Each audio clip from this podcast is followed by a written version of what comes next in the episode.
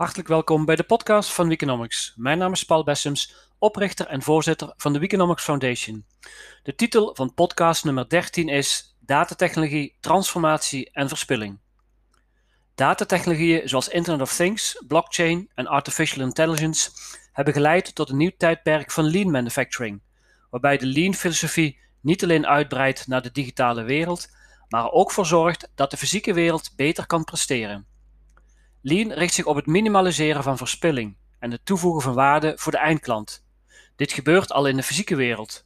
Door van een fysieke asset of dienst een digitale tweeling te maken, kan deze filosofie ook gebruikt worden in de digitale wereld.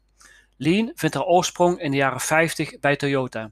Dit bedrijf richt zich sinds haar ontstaan begin 20e eeuw al op het terugdringen van verspilling. Verspillingen zijn volgens Toyota activiteiten waar de eindklant, zou hij dit weten, niet voor wil betalen. Het probleem is dat veel processen tussen grondstof en eindproduct niet transparant zijn voor de eindklant, omdat elke schakel bijvoorbeeld een eigen IT-systeem, een eigen verdienmodel heeft. Verspilling wordt traditioneel gedefinieerd als elke niet waarde toevoegende activiteit. Maar ook bijvoorbeeld overbehandeling in de zorg is een vorm van verspilling. Schaarse productiefactoren worden dan niet juist gealloceerd. Deze uitbreiding van de definitie van verspilling is belangrijk. Digitale verspilling heeft twee componenten. Passieve digitale verspilling, het niet kunnen pakken van kansen door het gebrek aan een goede data-infrastructuur. Denk aan het niet kunnen delen van onderzoeksresultaten voor lockdowns en exit-strategieën tijdens de coronacrisis. En twee, actieve digitale verspilling. Te veel data, niet opgeschoond, overtypen, foutieve data, niet de juiste data op het juiste moment op de juiste plaats enzovoort. Een organisatie is wat mij betreft lean wanneer het altijd en overal handelt in het belang van de eindklant, van mens en maatschappij. Door het maken van een fysiek naar digitaal conversie, ook bekend als digitalisering, en het opzetten van een ecosysteem kunnen activiteiten opnieuw ontworpen en ingericht worden en verspilling, zowel passief als actieve, tegengegaan worden. Doel erbij is het verbeteren van de productiviteit, het leveren van hogere kwaliteit, het verlagen van de kosten en de doorlooptijd. Datatechnologieën stellen in staat dataverwerking, distributie, integratie en datavisualisatie fundamenteel anders te organiseren. Voor de fysieke wereld betekent dit bijvoorbeeld minder onnodig transport, beter voorspelbaar onderhoud en minder gebruik van schaarse hulpbronnen. Door een gesynchroniseerde samenwerking tussen reëel en virtueel, denk aan de digital twin, tussen reële wereld en modellen, simulaties en nieuwe ontwerpen, kan verspilling in de reële wereld tegengegaan worden. Het allokeren van productiefactoren zal met veel minder frictie plaatsvinden dan de huidige manier van organiseren. Vraag en aanbod van producten en diensten zal soepel, snel en slim kunnen plaatsvinden met respect voor natuur en toekomst van onze kinderen.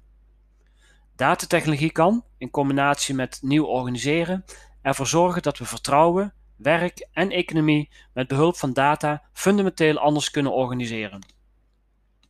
Een groot deel van het werk van kantoorwerkers bestaat uit het stellen en beantwoorden van vragen, het genereren van informatie en kennis of het verifiëren van claims. Voor het maken van kennis is informatie nodig en voor het maken van informatie zijn data nodig. De kernvraag binnen de transformatie naar een duurzame, digitale en decentrale toekomst is: hoe organiseer ik vraag en aanbod van data tegen zo min mogelijk frictie? Moet ik bezit van data organiseren of toegang tot? Heb ik wel een eigen CRM HRM, inkoop of factuursysteem nodig. De bestaande, bedrijfsgeoriënteerde automatiseringssystemen geven steeds meer frictie, toenemende IT-kosten, complexiteit en bureaucratie. Binnen de context van verduurzaming en digitale transformatie wordt het superieur geachte middel het bedrijf of de staat steeds meer de meest dure vorm om te coördineren. Het gevolg hiervan is te lage productiviteitsgroei, privacyproblemen, datalekken, fake news, verdergaande monopolisering van grote techbedrijven en het niet adequaat kunnen reageren op een pandemie, cyberincidenten of klimaatverandering. Digitale transformatie kan daarbij helpen, maar dan moeten we met minder de nadruk leggen op digitaal en meer de nadruk leggen op transformatie. Digitale transformatie gaat niet alleen over technologie, maar veel meer over het oplossen van maatschappelijke problemen. Hoe je anders kunt gaan denken en doen als gevolg van nieuwe technologieën die bestaande oplossingen verbeteren. Het gaat niet om de technologie, maar om menselijke basisbehoeften, onderzoek, kennisontwikkeling, volksgezondheid, veiligheid, sociale zekerheid en sociale rust. Digitale transformatie is niet hetzelfde als digitaliseren, wat vaak een mediumverandering inhoudt. Denk aan het scannen van facturen. Deze vorm van digitale transformatie kun je beter digitaal optimaliseren noemen. Bestaande processen worden dan niet ter discussie gesteld of aangepast. De manier waarop data vastgelegd en getransporteerd wordt verandert. Maar we hebben technisch gezien helemaal geen facturen of inkooporders meer nodig. Het zijn maar verzamelingen attributen die op een bepaalde manier voor een bepaald doel geordend zijn.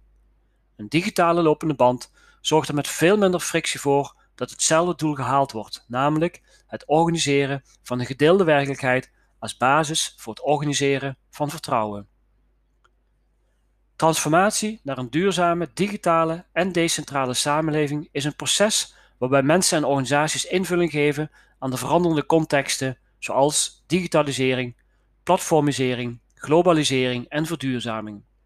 Het is veel meer dan alleen automatisering en bestaat uit een aantal elementen zoals een nieuwe context van fysiek naar digitaal, globalisering, flexibilisering en internationaal samenwerken. Het bestaat uit nieuw organiseren met nieuwe organisatiemodellen. Het bestaat uit een transitie, denk aan training en development, organisatie en mensverandering.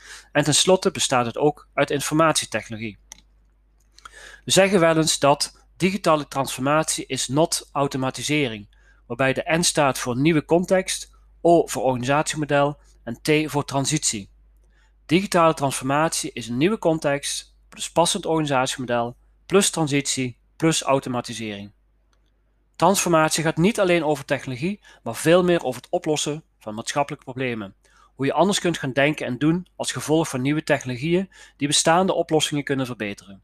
Het gaat niet om de techniek achter de digitale lopende band, maar om menselijke basisbehoeften, zoals onderwijs, zorg, veiligheid, minder stress en redundant werk en meer autonomie, tijd en aandacht voor het gezin, meer vrije tijd, integratie en betere democratie. We moeten eigenlijk van een massaproductie van materiële zaken naar een massaproductie van surplustijd voor het organiseren van immateriële zaken, zoals welzijn en welbevinden. Je moet eerst nadenken over de vraag welke bestaande oplossing wil ik verbeteren en dan pas gaan nadenken over de tooling en het opschalen van je oplossingen. Digitale transformatie is meer een organisatorische dan een technische oplossing voor een aantal structurele maatschappelijke problemen. Veel organisaties hebben te maken met een strategiedilemma. Een eigen digitale lopende band creëren kan per definitie geen kerncompetentie worden, omdat dit pas zin heeft binnen een ecosysteem met meerdere actoren. Succesvol werken met een digitale lopende band en digitale transformatie vereist het bewustzijn dat je nooit alleen een gedeelde werkelijkheid kunt hebben. Het bouwen van een democratisch, decentraal en digitaal ecosysteem en een gedeelde werkelijkheid is fundamenteel anders dan automatisering, wat veel mensen denken dat digitale transformatie is. Vandaar dat we in deze podcastreeks vooral ook aandacht hebben voor de nieuwe context, nieuwe organisatiemodellen en de transitie. Voor dit laatste hebben we vooral transformationeel leiderschap nodig, waarover meer in de volgende podcast. Tot zover deze podcast. Wil je meer informatie? Kijk dan op onze website weekeconomics.org.